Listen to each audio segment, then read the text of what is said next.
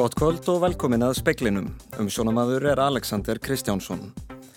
Kona sem dvaldi á meðferðarheimilinu Laugalandi á úlingsárum segir að komið hafi verið framvísið eins og úrrak en vanti viðurkenningu á því líkamlega ofbeldi sem hátti sér stað.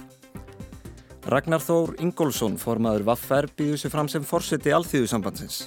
Hann segist til að byrja enda á átök innan verkalýsreifingarinnar. Rúslandsfórseti segir skilja áhyggjur af stöðumála í Úkrænu.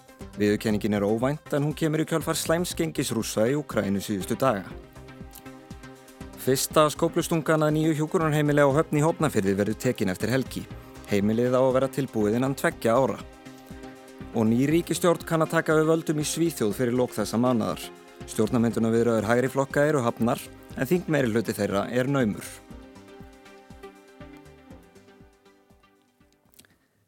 Fyrrum skjólstæðingur á laugalandi segir vonbrigði að ekki sé viðukent það líkamlega ofbeldi sem átti sér stað á heimilinu árunum 1997 til 2007 undir stjórn Ingjalds Ástórssonar. Valdbeiting og ofbeldi hefði engent starfið á þeim tíma. Dagni Rutt Magnúsdóttir er ein úlingstúlnana sem dvaldi á meðferðarheimilinu Varpolti og síðar laugalandi. Hún segir upplifin sína ekki góða og hún hafi upplifað óttaka hvert ingjaldi ástórsinni, þáverandi forstuðumanni, sem hafi komið fram við hana af fyrirlitningu. Mér er, mér er rauninni kent hvernig má koma fram við mig eins og eitthvað úrrak og ég fer svona brotin með það út í lífi og það hefur alvarlega aflenga fyrir mig. Beitt hann það einhvern tíman ofbeldi líkamlega?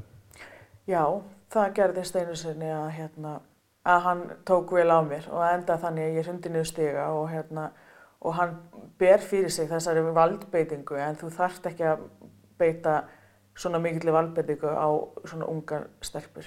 Gæð og eftirlitstofnun velferðarmála gaf í gær út svarta skýslu sem sínir sterkar vísbendingar um að börn sem dvöldu á vistheimilinu á árunum 1997 til 2007 hafi sætt alvarlegu andlu ofbeldi. Dæni segir gott að fá viðurkenningu á andlega ofbeldinu en meira vanti þó upp á. Í sambandi við líkanlega ofbeldi það er erfitt að fá ekki viðurkenningu á því þar sem að 38% viðmælenda segist að orði fyrir, fyrir slíku og fleiri orði vittni af því. Finnst þér þið stelpunar sem hafa verið í sambandi eftir þetta hafa verið nægilega mikið með í ráðum þegar kom að gerða skíslunar? Alls ekki. Það var bara, fyrir mig persónulega, bara tekið viðtal sem var erfitt og hérna og svo ekkert meir. Sagði Dagný Rut Magnúsdóttir, Óðinsvan Óðinsson talaði við hana. Amanda Guðrún Bjarnadóttir tók saman. Gísli Rafn Ólafsson, þingmaður Pírata og átján aðrir þingmenn allra flokka nema framsóknar og miðflokks hafa lagt fram tillögu á alþingi um að fórsættu sér á þeirra verið falið að skipa nefnd til að rannsaka starfsemi vinnuhælisins að kleppjátsreikjum á árunum um 1942-43. Sérstaklega vilja flutningsmennar ansakaðar verði aðgerðir yfirvalda til að sportna við samskiptum íslenskra kvenna við erlenda hermenn í kjölfar herrnámsins. Vilja flutningsmenna áhersla verði lögð á að kanna hvort mannreitnindabrót hafi verið framinn af hálfu íslenskra yfirvalda. Sonja Ír Þorbergsdóttir, formaður BSRB, kallar eftir unnverulegum aðgerðum til að styrkja ólíka hópa, til dæmis í gegnum barnabætur. Ekki sé orði við því nýju fjárlagafröðarpi sem er til umfjöldunar á alþingi og að sé sett með einhver sterkari sín um það eh, hvernig ríkistjóðnin allar að tryggja velferðina og halda utanum þessa ólíku hópa eftir hvar þeir eru stattir og bestalegin til þessi eru þetta gegnum tekjutilfæslukerfin eins og gegnum húsnæðistunning eða badnabætur. Það sem við erum að kalla eftir er umverulega að það sé gripi til umverulega aðgerða til þess að styrkja velferðina og að badnabætur sé ekki að skerðast nema kannski við kringum meðal e, tekjur. Sonja segir að frumarpið svari ekki þessu kalli heldur búið stefnuleysi í tekjutilfæslu kerfi. Fjárlega frumarpið teknu upp mynd af hagkerfi í blúsandi siglingu en kaupmattur hafi rýrnað undanfarna mánuði og lítið gert fyrir þau sem þurfi mest á því að halda. En þá fyrst okkur alfarið verið að liti fram hjá því að hagvustur hann segir til um sko, stöðu hagkerfins í hilsinni en hann er ekki að sína stöðu einstakar hópa eða ávinning þeirra af þessari uppsöflu. Og svo er sömu leiði þarna raunverulega verið að skila auðu þegar kemur að, að húsnæðismálum og við veitum að það verður stór liður núna í undirbúningi kjærastónusviðrana. Sagði Sonja Ír Þorbergsdóttir, formaður BSRB, Holmfríðu Dagni Fríðunsdóttir talaði við hana. Vladimir Putin, fórsetir Úslands, saðist í dag skilja áhyggjur Xi Jinping, fórseta Kína, af ástandinu í Ukrænu. Viðurkenning Úslandsfórseta kemur mörgum á óvart en hún kemur í kjálfar slæmskengis rúsa í Ukrænu síðustu daga. Á meðan fórseti framkvæmdastjórnar Evrópusambandsins heimsækir Úkrænu funda fórsetar Úslands og Kína í Úsbekistan. Vladimir Putin viðurkendi áhyggjur Kína af krísunni í Úkrænu eins og hann orðaði það og saði rússa kunna að meta yfirvegaða afstöðu kínverskra vina sinna í málinu. Þetta er fyrsti fundur fórsetan að tveggja frá því að rússar réðust inn í Úkrænu. Putin sæðist ætla að útskýra stöður Úslands fyrir fórseta Kína í dag. Stuðningur Kína er sagður afar mikilvægur rúsum eftir að Vesturlönd hófu að beita þá viðskipta þvingunum vegna innrásarinnar. Á móti hefur Úsland dreyið umtalsvert úr orku útflutningi til Evrópu. Kínamarkaður skiptir úsa því miklu máli, bæði fyrir orku útflutning og innflutning á hátæknivörum. Gunnhildur Kjærúlf Birgistóttir tók saman. Framkvæmdir er að hefjast við nýtt hjúgrunarheimili á höfni hótnafyrði. Elstu íbúar hótnafjörðar og aðstandendu þeirra hafa lengi barist fyrir úrbótum en aðstæða á núverandi heimili er talin óbóðuleg. Á Hortnafyrði er hjúkrunarheimilið skjólgarður og hafa íbúar og aðstandendur þeirra lengi verið ósátt við aðbúnaðinn. Fólkið hefur ekki haft herbergi út af fyrir sig og hefur í staðin þurft að eigða æfi kvöldinu jafnvel með ókunnugri mannesku á herbergi. Vegna plásleisis eru dæmi um að degjandi fólk hafi verið fluttin á baðherbergi til að það gæti kvart ástvinni í næði. Hortfyrðingar hafa lengi beðið eftir nýju hjúkunarheimili sem uppfyllir kröfur en málið tafðist lengi. Nú horfir þetta loksins til betri vegar og verður fyrsta skóplustunga að nýju heimili tekin eftir helgi. Það verður í raun viðbygging við skjólgarð með 39 rýmum og kostar byggingin 2,5 miljard króna. Sigurjón Andrésson er bæjarstjóri í sveitarfélaginu Hortnafyrði.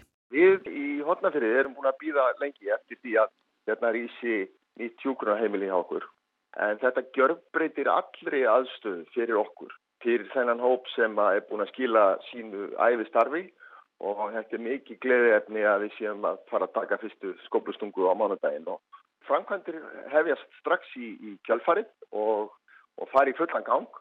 Stefnan er að heimili verið tilbúið 2024 og þá muni fyrstu íbóðnir flytt inn og það verður stort skref fyrir okkur og mikið gleðiðefni sagði Sigur Jón Andresson, Rúnar Snæri Reynisson tók saman. Íbúar í nýri vogabygð eru orðir langþreyttir á aðgerðaleysi Reykjavíkuborgar í tengslu við framkvæmdir á Sæbrödd. Börn sem sækja skóla hínum einn við Sæbrödd þurfa á hverjum degi að fara yfir umferðaþungagötuna og oft skapast þar hætta.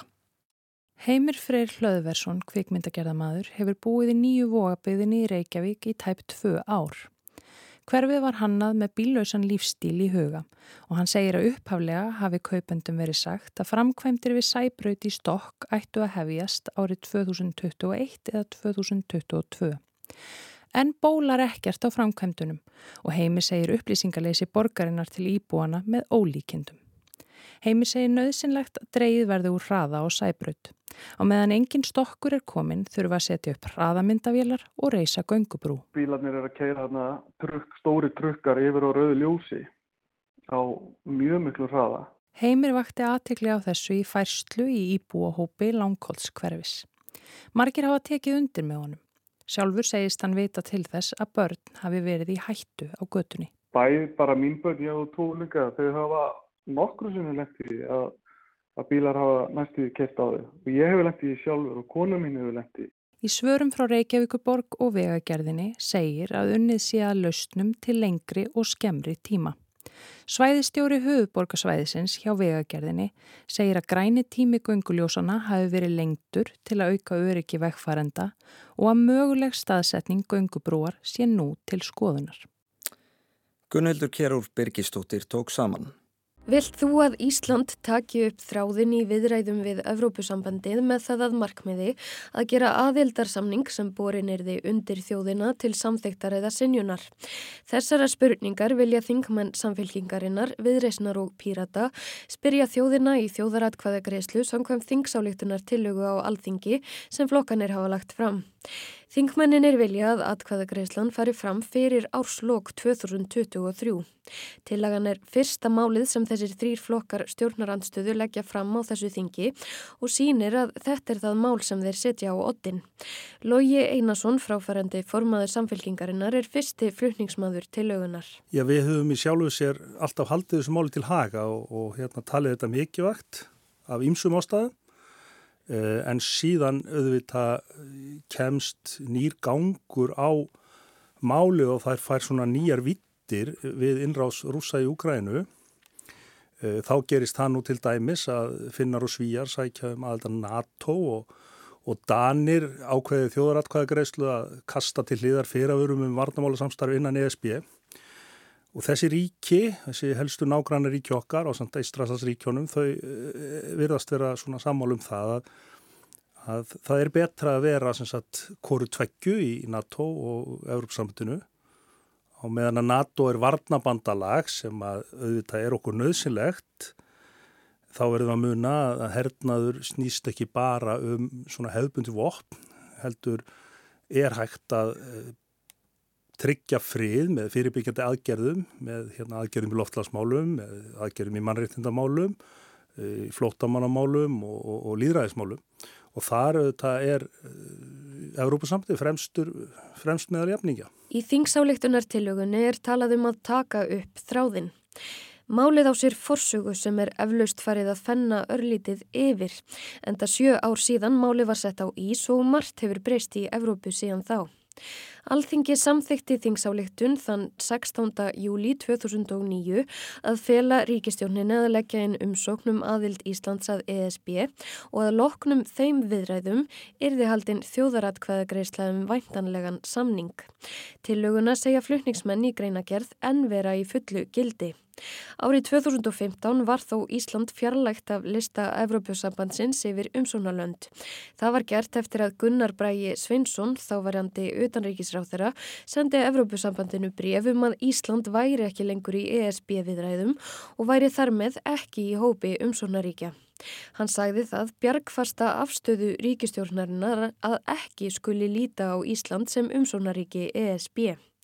Allar götur síðan hefur verið deilt um hvort svo sé eða hvort aðildarumsóknin frá 2009 sé enni fullu gildi líkt og þingmenn tillögunar halda fram. Speiklinum hefur einst erfitt að fá skýr svör við þeirri spurningu. Áður en að við kláruðum uh, samning sem hefði svo á endanum við laðið fyrir þjóðina að þá urður ríkistjónarskipti og, og, og, og tveir af flokkonum, þau bara einhliða dróðu þessa umsók tilbaka eh, það er nú mjög óljós hvað það þýðir. Eh, ef þú talar við viðmælindur í Brussel þá vilja margi meina að þetta sé ennþá til staðar og við getum haldið áfram þaðan. Eh, ég held að það sé mér vara samt að, að, að, að halla sér bara aftur og segja staðin er góð og við þurfum ekki veist, að horfa til framtíðar. Við þurfum auðvitað alltaf að gera það og mörg ríki náttúrulega rekast harkalega á þegar að eitthvað óvænt kemur upp á við erum vissulega í NATO og verðum þar áfram og við styðjum það í samfélkingunni. Evróski efnaðssamningurinn er, er bara mjög góður fyrir okkur og alveg nöðsynluður að hafa en eh, hann er með þeim anmörgum að við komum ekki að borðinu alveg frá fyrstu stundu heldur þurfum að semja þá um aðlugun og undan þá eftir atveikum. Þannig að þetta myndi auðvitað tryggja okkur bara miklu, miklu beitni aðkomu að hérna hlutónum. Reglulegar kannanir Gallup á afstöðu þjóðarinnar til Evrópusambands aðildar sína að þjóðin hafi aldrei verið jafn hlind aðild og nú. Í mars á þessu ári síndi þjóðarpúls Gallups að hátt í helmingur landsmanna verið hlindur aðild en aðeins þriðjungur mótfallin. Þetta er umræða sem eh, einskorðast ekkit við Ísland. Þetta er bara umræða sem er núna mjög áberandi allstaðar í álfunni þessi tillaga hins vegar eh, fjallar kannski ekki um þá kosti sem að við teljum vera á, á, á því að gangi í Európsamti heldur snýst þetta miklu meir um það að málið er bara af þeirri stærðargráðu að það er rétt að leifa þjóðunni að taka ákvörnum næstu skref. Við höfum aldrei í veraldasögunni verið með jafn vel upplýst fólk Við höfum aldrei haft tækni sem gerir fólki kleift að abla sér jafnmikillar og hraðra þekkingar og, og, og það getur núna. Og hvers vegna ættum við ekki þá að virkja líðræðið beitna oftar? Uh, samfylkingin og aðri flokkar sem standa væntalega þessari tillugu munu öruglega virða þá niðurstuðu sem kæmi út fyrir þessu. Farið að svo að þjóðin vilji halda áfram viðræðum, þá finnst mér að eigi að gera það, leggja svo endanlega samning fyrir þjóðina til staðfestingar eða sinjunar, en farið svo að þjóðin segi nei, við viljum ekki halda áfram.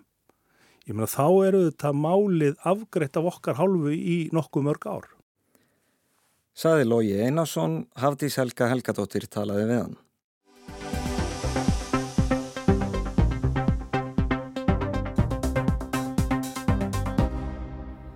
Fyrsti frambjóðandin til ennbætis Forsetta ASI kom fram á sjónasviðið í dag. Hann segist vilja benda enda á átök innan verkalýsraufingarinnar. Það verður þó hægara sagt en gert í samtökum þar sem innanbúðamenn hafa talað um heift, ófremdar ástand og jáfnvel ofbeldi. Það er ekki ólíklegt að einhverjum sem áttu leiðum laugavegin í Reykjavík á baráttu degi verkalýsins í vor hafi þótt sem þar byrtist þeim ljóslifandi klopningurinn innan að raða alþjóðsambansins. Í farabróti fylkingarinnar sem beigð þessa kröfugangan hæfist mátti sjá drifus nætal og fleiri undir merkjum alþjóðsambansins. Þar fyrir aftan undir blaktandi fánum eblingar var Solveig Anna Jónsdóttir og félagsmenn hennar. Á milli var nokkur að metra bíl sem einhverju kynnaðlít á sem tákur hann að gjá á átakalínum verkefliðsreifingarinnar. Kanski er þó líklegri skýring svo að rútan sem átt að flytja lúðurasveit verkaliðsins bilaði. Þegar hljónsveitin kom á kraftgöng á síðustu stundu, fyllt hún upp í bilið og gangan hófst.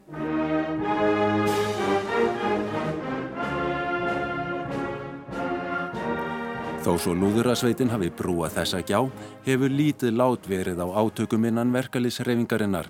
Drífa sagði af sér sem forsiti ASI fyrir mánuð eftir miklar deilur síðustu missir og ár. Ný fórist að veru kosin á þingi ASI eftir tæpa mánuð, en óvist er að það lægi ófreðröldur. Þrátt fyrir að vaffer, ebling og teng félög eigi meiri hluta þingfulltrú og komandi þingi og geta líkjendum ráðið niðurstöðum í krafti atkvæðamags er óvisa og óljó staða algeng lýsing sem heyrst yfir í samtölum speilsins við á annan tug fóristumann í verkefliðsrefingunni. Óvisa um hvort breið samstæða náist eða hvort komi til ofinbera átaka á þinginu og ekki síður hvað breytist við kjör nýrar fóristum. Ragnar Þór Ingólfsson formar Vaffer tilkynnt í dag frambóðsitt til fórseta Alþjóðsambars Íslands. Eins og sé, ég vildi fá ákvæmna fullvissum það að, að fólki væri alvara um að, að gera allir því að ebla sambandið og, og laga það sem að laga þarf til þess að við getum komið saminu til leiks eh, inn í næstu kjærasamninga og tala um ekki um kakvar stjórnvöldum og það er bara ríku vilji til þess Að því gefnað þingfulltrúar Vaffer, Eblingar, Verkalýsfélags Akranes, Verkalýsfélags Grindavíkur og Framsínar greiða atkvæði sem einn blokk, þá þarf að Ragnar Þór ekki meira til. Þingfulltrúarnir eru 301 talsins og þar af til eira 159 þessum félum. Við það bætast 11 fulltrúar annara félaga innan landsambands íslenskra verslunamanna. Spenna nætti því ekki endilega að vera mikil. Sérstaklega viðnar menn slást í hópin með sína 43 fulltrúa. Kunnugir hafa sagt við fréttastofu að ef yðinnaðar menn spila með þeim meira hluta sem þegar hefur myndast, geti þeir verið öryggir um einn varaforsetana sem yrði Kristján Þóru Snæbjarnason formar rafiðinarsambans Íslands. Samtöl hafa átt sérstæði þess áttir fullirt við speilin. Ragnar Þór sagði í dag að hann stýtti Kristján Helsuar í ennbætti fyrsta varaforseta. Vilji Ragnars Þórs mun standa til þess að ná breyðari samstöðum. Undanfarið hafa staði yfir miklar viðraður fóristumann í verkalýsreifingunni til að kanna hvort þetta sé gerlegt. Ragnar Þór er tilbúin að leiða reifinguna framvegin en aðeins ef hún er samstæð og starfæf. Sé verkalýsreifingin splundruð gæti farið svo að í það minnsta sumfélana sem talin hafa verið til órólegu dildar en svokallu gætu viljað dragur vægi ASI og byggja sína starfsemi enn frekar upp. Það er meðal annars gert með því að lækka félagsgjaldið eða skattin sem aðildarsamtök greiða ASI. Átökin innan verkalisreifingarnar hafa ekki farið leintinn síðar ár, þrátt fyrir áður hafa oft verið reynd að halda ágreiningnum á bakvið tjöldin. Heift og blóðu stríð eru meðal orðana sem einn viðmælandi notaðum stöðuna. Ófremdar ástand og ofbeldi hyrðust úr minni annara, aðurir hafa þó verið hófsamari í orðavali. Hópurinn sem stefnir í að taki völdin hefur kvarta undan því að vera hunsaður, að starfsættir ASI hafi ekki verið nógu líðræðslegir eða gagsægir.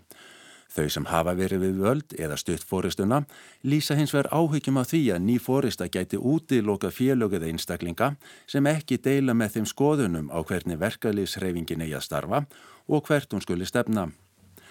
Á síðasta þingi var Drífa Snædal kosin fórsiti.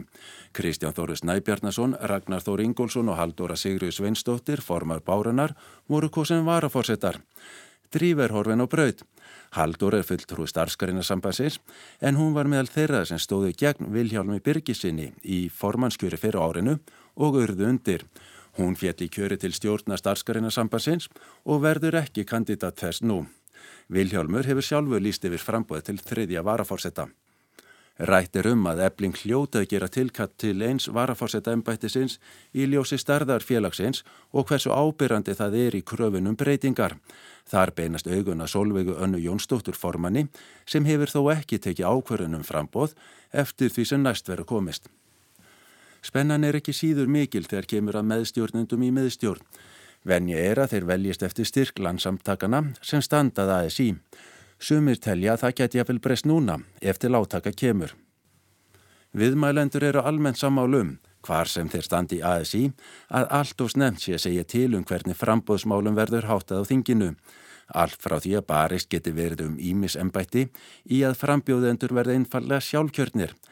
Það geti bæði verið til margsum að sáttir náist, en líkum það að þau sem ekki hugnast ný fórista líti svo á að betra sé að býða af sér þingið og halda baráttun áfram síðar.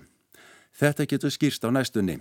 Mikið veldur á því hvernig svo stefna og uppstilling sem Ragnar og félag kynna á næstunni fellur í kramið hjá öðrum verkefliðsfélögum og landsamtökum. Nái saman um meginlínur geti þingi orði mun friðsætlen stemd eftir við lí þegar drífa sagða af sér ennbætti fórsetta. Það er þó fjarrið því örugt. Það má líka greina titring meðal sumur á landsbyðinni yfir því að stóru félögin Vaffer og Ebling sem eru sterkust á höfuborgarsvænu nái saman um að stýra alþjóðsambandinu. Sumir óttast jafnvel að rödd minni félag á landsbyðinni heyrist ekki endila mjög vel í framhaldinu.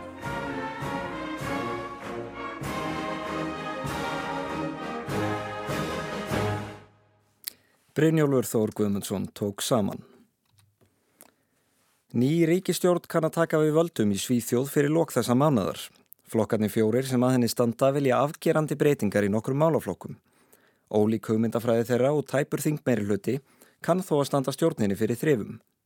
Jag har också meddelat talmannen att om Moderaterna skulle komma på andra tankar och eh, välja att eh, vilja samarbeta med mig istället för med Sverigedemokraterna, ja då står ju min dörr öppen för Ulf Kristersson.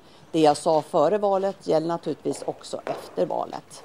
Ég hef tjáð fórseta þingsins að ef mótiratana vilja vinna með mér í staðis að vinna með svíþjóðardemokrátunum þá standa mínar dyr opnar.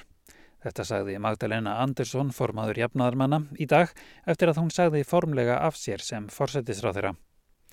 Næstu daga og vikur mun hún fara fyrir bráðabyrðastjórn þar til ný ríkistjórn tekur við að langmestum líkum ríkistjórn hægri blokkarinnar. Stjórnarvindunar viðræður ættu ekki að taka mjög langan tíma þar sem lengi hefur leið fyrir að flokkarnir fjórir sem nú hafa meiri hluta ætli sér að vinna saman.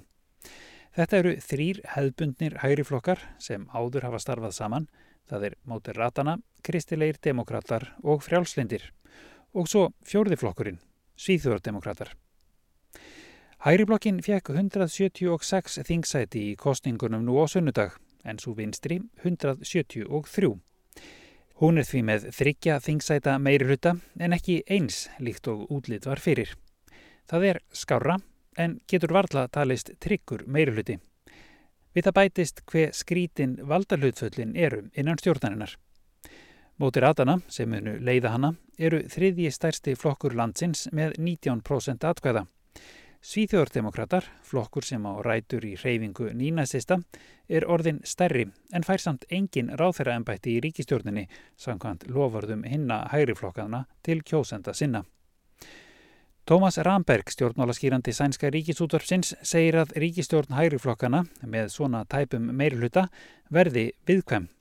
Meðal þingmanna frjálslindaflokksins séu þrýr fjórir þingmenn sem ekki séu hrypnir af því að byggja nýja stjórn á stöðningi Svíþjóðardemokratana þótt flokkurinn í heilt sé fylgjandi því. Í den riksdagsgrupp som nu ser ut að koma inn fyrir Liberalerna så finns det en tre-fyra stycken som inte gillar den här inriktningen. Og hvað gera þessir þingmenn þegar erfið mál koma upp, spyr Ramberg. Til dæmis að það á að skera niður framlug til þróunarmála, skera þau mjög mikið niður líkt og líklegt er að verði gert. Þeir gætu svikið lit og til dæmis samþygt tilugur stjórnar anstöðunar í staðin. Væntanleg ríkistjórn má heldur ekki við því að tapa neinum af þingmönum svíþjóðardemokratana. Á sama tíma er algengt að erfið mál komi upp og þingmenn flokksins verði óháðir. Hvað gerist til dæmis, spyr Ramberg, ef einhver þingmaðurinn lætur frá sér kynþáttanýð á samfélagsmiðlum eða það kemur í ljósa að viðkomandi tengist samtökum hægri öfgamanna Mörg dæmi er um slíkt meðal flokksmanna Svíþjóðardemokrata. Flokkurinn þyrti þá að vísa þingmannunum úr sínum röðum. När nolltoleransen då, som de kallar det, ska tillämpas, då ska den här personen ut. Mm. Ja, då hänger hela regeringen på den saken. Vegna þessa telur Ramberg að Kristiðsson hljóti að vilja gera skýrt samkomlag við Svíþjóðardemokratana og reyna að tryggja það með einhverjum hætti líka að það verði hægt að treysta á þingmenn frjálsindra. Það hver flókið þetta allt saman verður er þegar farið að koma í ljós. Ný þingona frjálslindra og fyrfirandi formaður ungliðasamtakaflokksins lísti því yfir strax í gær að hún myndi fella hverja þá stjórn sem svíþjóðardemokrater fengju sæti í.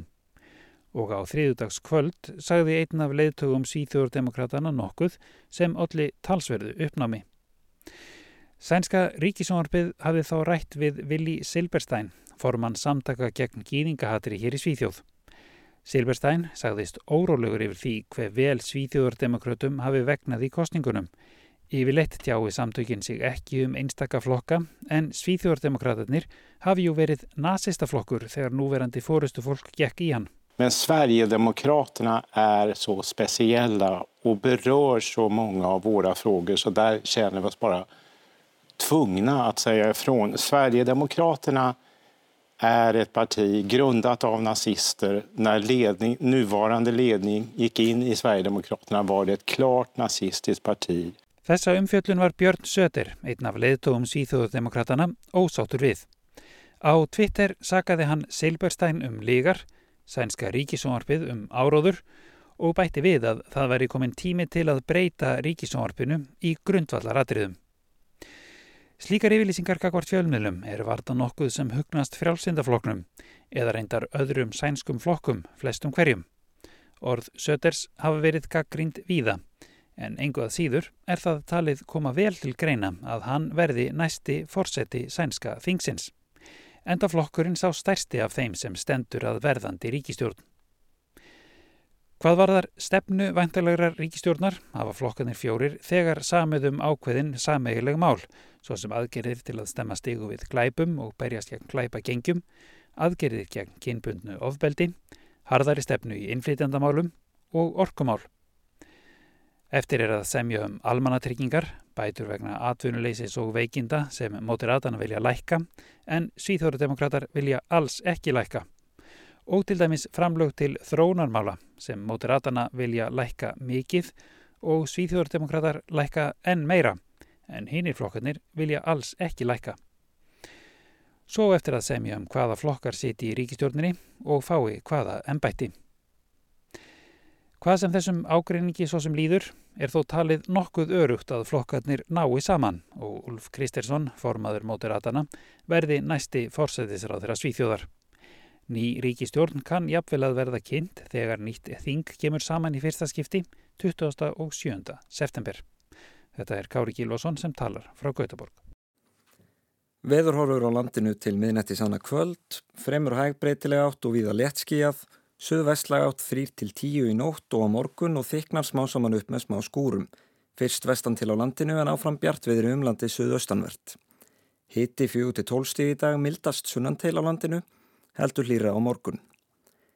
Fleira er ekki í speklinum í kvöld, tæknimaður var Magnús Þorstein Magnússon, veriði sæl.